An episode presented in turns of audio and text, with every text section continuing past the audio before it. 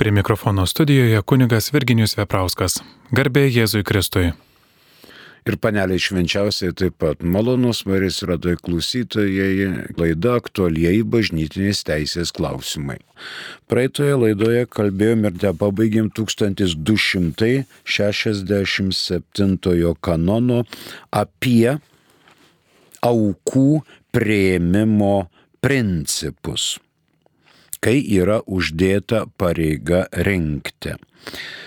E, renka, žinoma, aukas bažnyčia tam, kam yra paskelbta. Ir visi, ne tik tai patys renkantieji administratoriai, bet ir jų pavaduotojai privalo priimti duodamas aukas. Mums gali į pagalbą ateiti 531 kanonas. Net jei ir kitas atliktų kokią nors parapinę funkciją, ta proga iš tikinčiųjų gautos aukos turi būti įnešamos į parapijos kasą, nebent kalbant apie savanoriškas aukas būtų aiški kitokia aukojančiojo valia. Diecezniam vyskupui priklauso išklausius kunigų tarybos nustatyti taisyklės, kurios numatytų tokių aukų paskirimą ir dvasininkų atliekančių tą funkciją atlyginimą. Kitas 551, kuris iliustruoja mūsų svarstomą 1267. Dėl aukų kurias Kristaus tikintieji duoda vikarui, atlikusiam pastoracinę tarnybę. Tarnyba turi būti laikomasi 531 kanono nuostatų. Jau girdėta. Ne tik klebonas, bet ir vekaras privalo perduoti tuos dalykus pagal paskirtį. Antra mintis vienuolyje ar parapija toje viskupijoje esanti, kur privalo būti renkamos aukos, privalo aukas priimti. Negali administratoriai sakyti, kad ai čia viskupas įsigalvojo, nei jūs čia neškit, nei jūs čia aukokit, apseisim ir be to. Ne, privalo priimti. Trečia mintis. Atsisakyti priimti aukas? Žinoma, galima. Jei aukos neduodamos gerų tikslų, pavyzdžiui, nedora lėšų kilmė. Atnešė didelę sumą ir sako, čia dėl tos rinkliavos, kurių vyskupas nustatė. Aišku, tie pinigėliai. Ai, čia mes už prekę. Va, už prekę ir priimkite, čia mes tam tikrą dalį atnešėme. Čia taip reikia. O pasirodo, prekė yra nedorai įsigytos lėšos ir bažnyčia tokių priimti negali. Toliau. Galima nepriimti aukų, jei yra geros duodančiojo valios stoka jei tai negera valia. Arba, pavyzdžiui, renkam Ukrainai rūbus, atnešė paltą be rankovės arba be kalnieriaus arba prosų sudegintas kvernas. Ai, čia tiem ukrainiečiam bus gerai. Aišku, kad tokių dalykų niekas neneša. Be sagų ir panašiai. Turi būti ir išvaizda prekės gera, ir dar jisai turi būti dėvimas ir taip toliau, ir taip toliau. Ir reikia dar žiūrėti, jeigu atneša, ar nėra kitų įsipareigojimų duodančiojo. Pavyzdžiui, dovanoju be 20 metų, po to gražinsite. Tai jau yra įstatoma sąlyga, be raštiško viskupo leidimo negalima. Reikia žiūrėti dar į juridinio asmen statutus. Galima priimti, galima duoti ar negalima duoti. Ketvirta mintis. Jei davėjas iškelia kokias nors sąlygas, norint priimti tokią auką, reikia raštiško vietos ordinaro leidimo. Pavyzdžiui, daiktas arba vertybė yra hipotekos fonde. Arba yra neduodamas, bet dovanojimas. E, dovanojimas kartais pagal civilinius įstatymus užtraukia mokesčius. Taip, dovanoju, bet už dovaną reikia susimokėti mokesčius. Jeigu davė, mokesčių mokėti nereikia. Bet jeigu dovanojo, jau čia prasideda. Ir reikia žiūrėti dar į alienaciją. Alienacija gali bloginti padėtį. Kaip minėjau, pavyzdžiui, 20 metų po to atiduosite. Tai po 20 metų neaišku, ką atiduoti, kaip atiduoti, dėl ko atiduoti, kokia bus daikto arba tos vertybės būklė ir taip toliau. Geriausiai tokiu atveju notariška forma sudaryta sutartis tarp dovanotojo arba davėjo ir prieimėjo. Ir ko gero penkta mintis prie mūsų svarstomo. Tai 1301 kanonas. 1301 kanonas. Visų pamaldžių valios pareiškimų tiek mirties atveju, tiek tarp gyvųjų vykdytojas yra ordinaras. Antrasis paragrafas.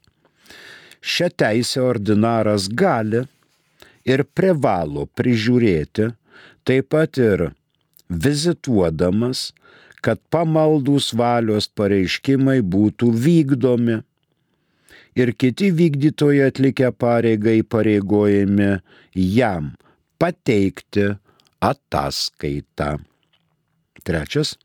Šiai ordinaro teisiai prieštaraujančios išlygos pridėtos prie paskutinės valios pareiškimo laikomos nepareikštomis. Tai reiškia, negalima pakeisti valios. Dabar, jeigu dovanoja juridinis asmuo ir po kiek laiko šitas juridinis asmuo išnyksta, pasibaigia, jis nutraukiama veikla ir panašiai. Mums į pagalbą gali ateiti keletas kanonų. 123. 123 kanonas. Pasibaigus viešajam juridiniam asmeniui, jo gerybių ir turtinių teisių, taip pat jo prievolių paskirstimas reguliuojamas teisės ir statutų. Jei šie nutyli, visa tai atitenka tiesiogiai aukštesniam juridiniam asmeniui, niekada nepažeidžiant steigėjų ir aukotojų valios bei įgytųjų teisių. Pasibaigus privačiam juridiniam asmeniui, jo gerybių ir privilegijų paskirstimą reguliuoja jo statutai. Dabar kitas dar 600. Šešioliktasis kanonas. Pirmas paragrafas. Teisėtai įsteigti vienuoliniai namai pagal konstitucijų normą gali būti panaikinti aukščiausiojo moderatoriaus. Aukščiausiasis diecezinio vyskupo atsiklausus diecezinio vyskupo panaikintų namų gerybės tvarkomos pagal savą instituto teisę, nepažeidžiant steigėjų ar aukotojų valios ir teisėtai įgytų teisių. Galima ir antrą, trečią ir ketvirtą dar pasiskaityti.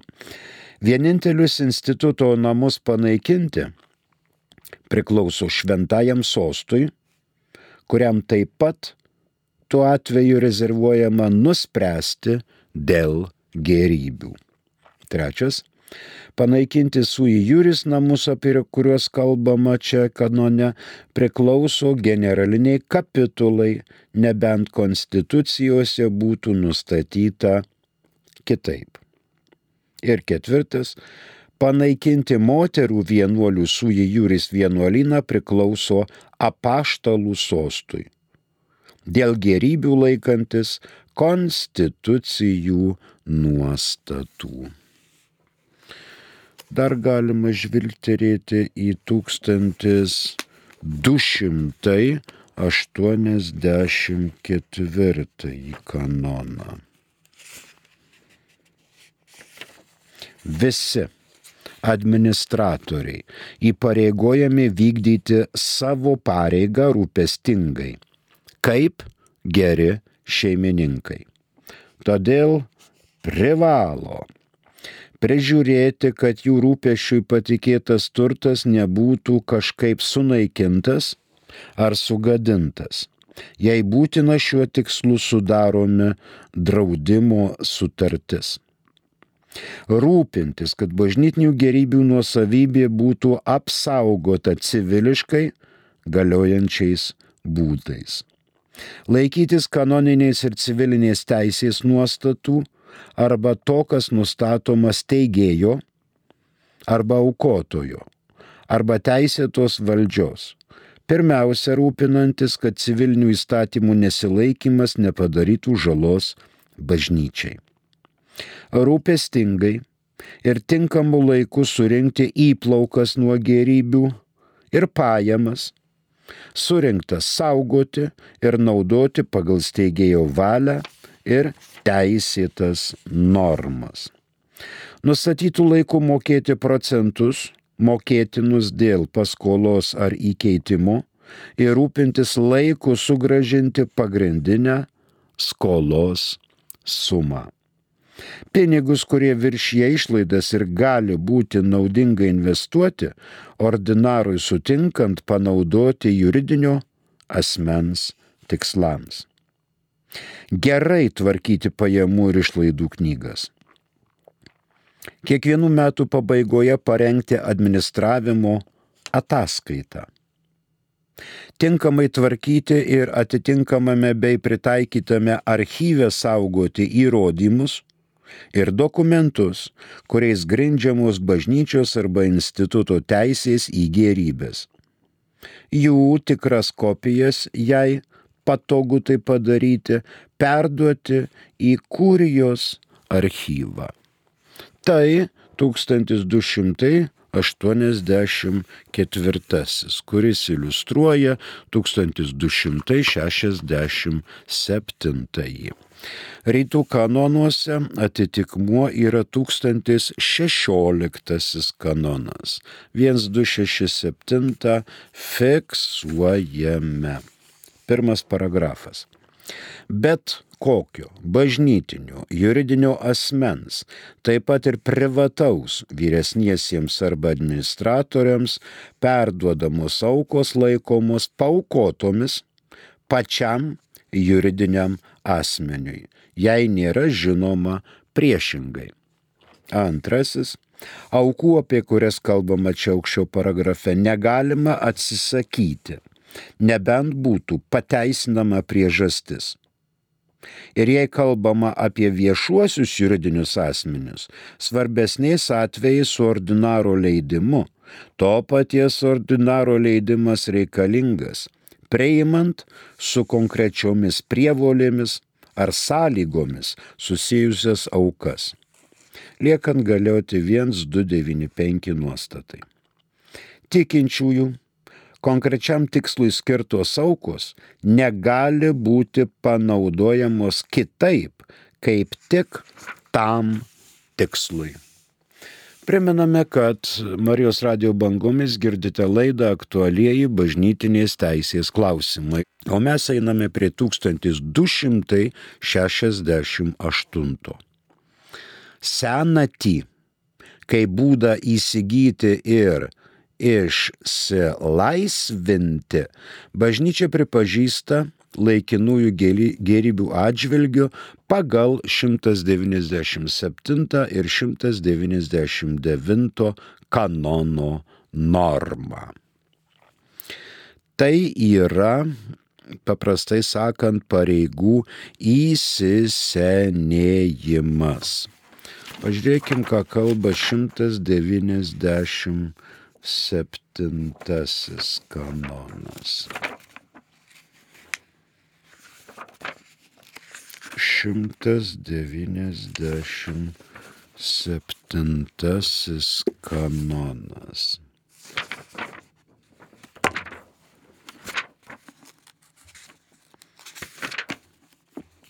Senatis kaip būdas įgyti ar prarasti subjektyvęją teisę ir išsilaisvinti iš pareigų, bažnyčios priimama tokia, kokia nurodyta konkrečios valstybės civiliniuose įstatymuose, išskyrus išimtis nustatytas šio kodekso kanonuose. 198. Senatis neturi galios, jei ji nepagrįsta gera valia, ne tik pradžioje, bet ir per visą laikotarpį, kurio ji reikalauja liekant galioti 1362 kanono nuostatai.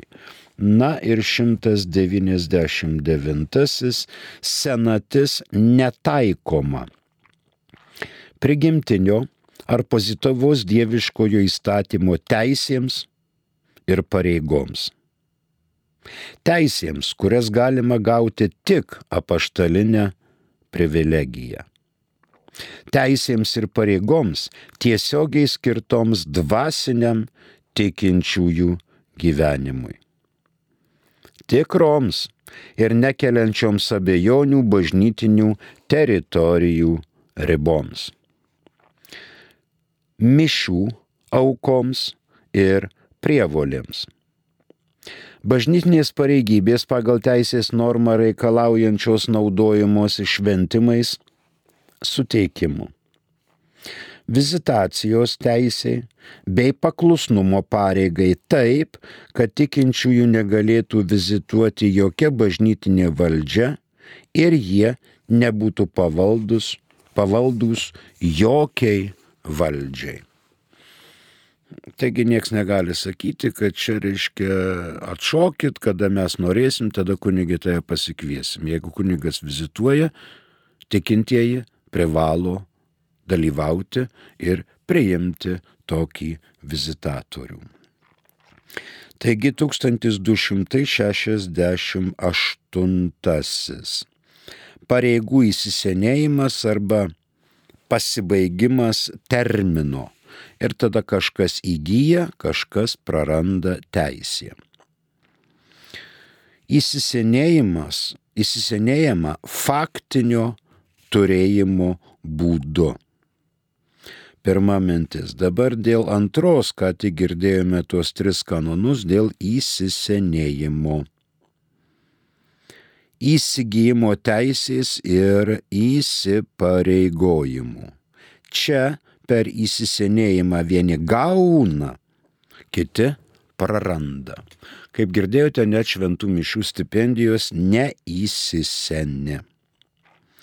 Dabar, kad būtų senatis, mes turime keturias sąlygas senačiai įsigyvendinti. Pirmoji - daiktas turi būti pagal teisę įgalus įsisenėti. Turi būti įgalus įsisenėti. Jeigu jis negali įsisenėti, tai sąlyga pirma ne išpildoma. Antras. Dalyką faktiškai galima turėti. negalima ten sakyti, mėnulio Marso laukas, kaip jį turėti. Jis ten yra, o ne čia. Jį reikia turėti faktiškai. Trečia sąlyga. Dalyką turėti geros valios dėka. Ne piktos valios, ne uzurpavimu, ne vagystė, bet teisėti uždirbtų ar paveldėtų būdų ir taip toliau.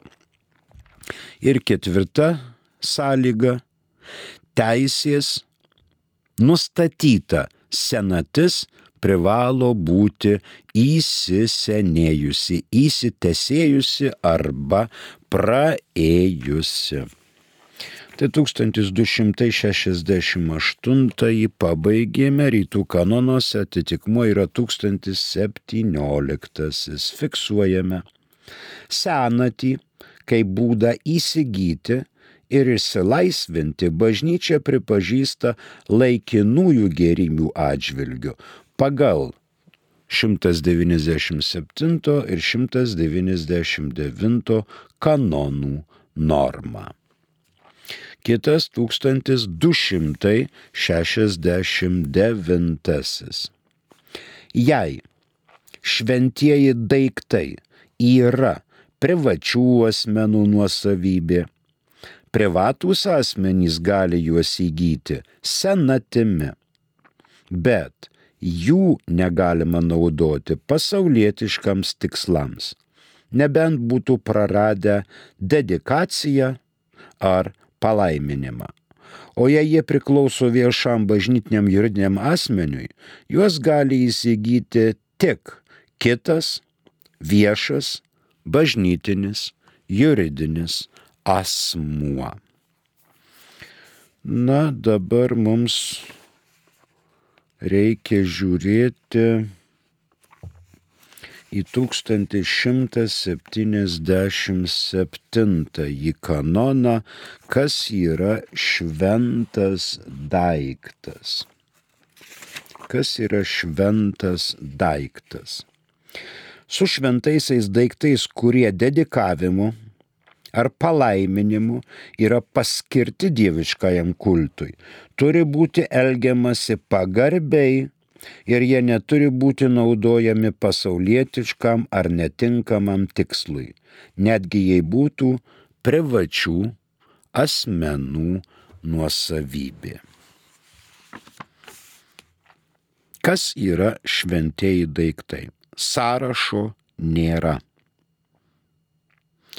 Dabar už sankcionuota už tuos dalykus yra 1376 kanonas.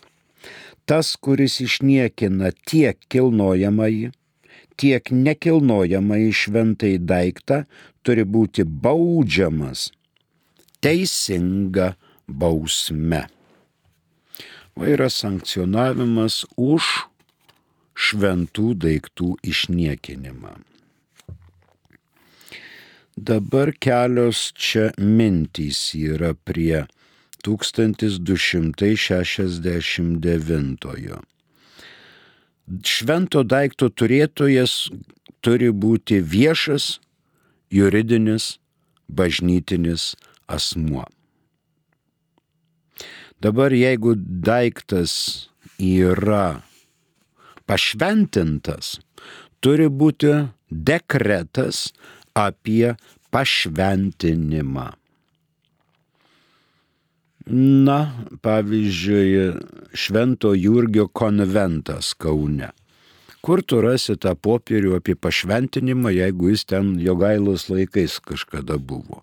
Nėra, bet visi žino, kad toks dekretas buvo ir kad paskirtis yra daikto, bažnyčios, šventoriaus, dieviškajam kultui.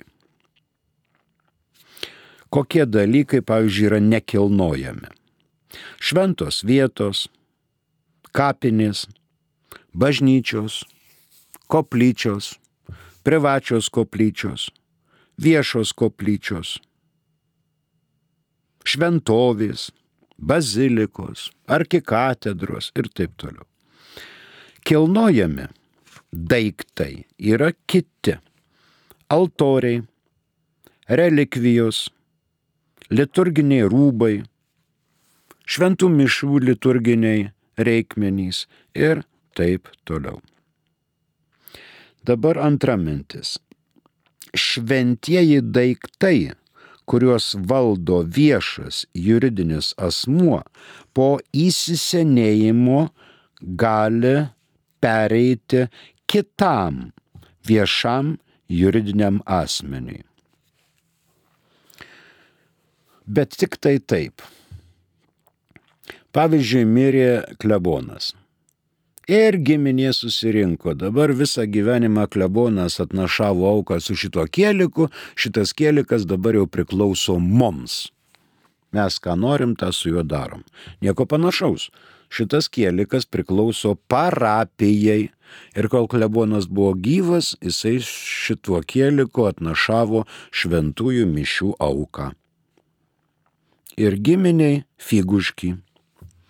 Ir šiaip gali būti bažnytiniai daiktai kartais atkeliavę iš bažnyčios į kleboniją ir po kunigo mirties ten pradeda giminės e, šuravot ir ieškoti vertingesnių daiktų ir tie vertingesni daiktai iš parapijų inventoriaus knygos kažkaip tai dinksta. Tai reikia žiūrėti, kas priklauso parapijai jai ir priklauso būti. Nesvarbu, kad 50 metų e, tėvelis laikė šventų mišių auką būtent su šituo kieliku, bet jis neperėjo jo nuosavybėn. Trečia mintis. Jei šventus daiktus valdo fizinis asmuo arba juridinis asmuo, po įsisenėjimo jį taip pat gali perimti privatus juridinis asmuo arba fizinis asmuo. Ketvirtas. Ketvirtoji mintis. Niekam neleidžiama šventų daiktų naudoti civilinėms reikmėms. Nebent tie daiktai prarado pašventinimą pašventinimas prarandamas. Dėl ko? Pirma sąlyga - dėl sunykimo. Gaisras, žemės drebėjimas, lėktuvas nukrito, sudužo bažnyčioje, ten viskas išsitaškė ir panašiai. Stichinės nelaimės, vėtros, liūtys, audros sunyko. Ištraukė ten iš degėsių gaisrininkai visokius kielikus monstrancijas ir panašus tik tai į aprūkusius geležinius daiktus. Tai yra sunykimas. Ir antras dalykas, kada pasibaigė pašventinimas, civilinių reikim, civilinės reikšmėms paskirimas. Tiek teisiškai, tiek faktiškai. Pavyzdžiui, prieš karyje visi šventoriai buvo šventos vietos, buvo pašventinti visos kapinės, kur ilsisi tikinčiųjų palaikai. Visos yra pašventintos kapinės. Dabar, kai jau nepriklausomybė, visos kapinės perėjo civilinėm reikmėm. Bet dekreto apie pašventinimo atšaukimą niekas taip ir neparašė. Bet kapinės jau paskirtos ir administruoja jas civilinė valdžia. Tiek teisiškai, tiek faktiškai. Dabar, jeigu šventi daiktai, pavyzdžiui, altoriai, tiek pastovus, tiek kilnojami, nepraranda savo šventumo arba savo pašventinimo bei dedikavimo, nebent vyskupo dekreto sprendimu. Jeigu vyskupas parašė dekretą, pasitarė, pasi, pasišnekėjo tiek altorių, tiek bažnyčia, tiek kilnojama, tiek nekilnojama altorių, gali pervesti į profanaciją, reiškia civiliniam reikmėm atidavimą. Bet tai turi būti atlikta labai rūpestingai. Mums gali ateiti į pagalbą 1238 kanonas ir 1212 kanonas.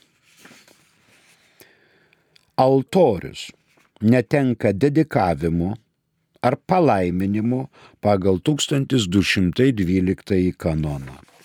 Perdavus bažnyčią ar kitą šventą vietą pasaulietiškam naudojimui tiek nekilnojamieji, tiek kilnojamieji altoriai nepraranda dedikavimo ar palaiminimo. Dabar 1212 šventosios vietos netenka dedikavimo ar palaiminimo, jei buvo sugriauta didžioji jų dalis arba kompetentingo ordinaro dekretu, ar faktiškai buvo perleistos nuolatiniam pasaulietiškam naudojimui. Rytų kanonuose atitikmuo 1269 yra 1017 kanonas. Dabar 69 fiksuojame. Jei šventieji daiktai yra privačių asmenų nuosavybė, privatūs asmenys gali juos įgyti senatimi bet jų negalima naudoti pasaulietiškams tikslams, nebent būtų praradę dedikavimą, dedikaciją ar palaiminimą. Ir jei jie priklauso viešajam bažnytiniam juridiniam asmeniui, juos gali įsigyti tik kitas viešasis bažnytinis asmuo. Kiek dar mes turim laiko? Vieną minutę. Nu tai tada turbūt nepradėsime. Kitoje laidoje liks nagrinėti 1270 ir kitus likusius kanonus.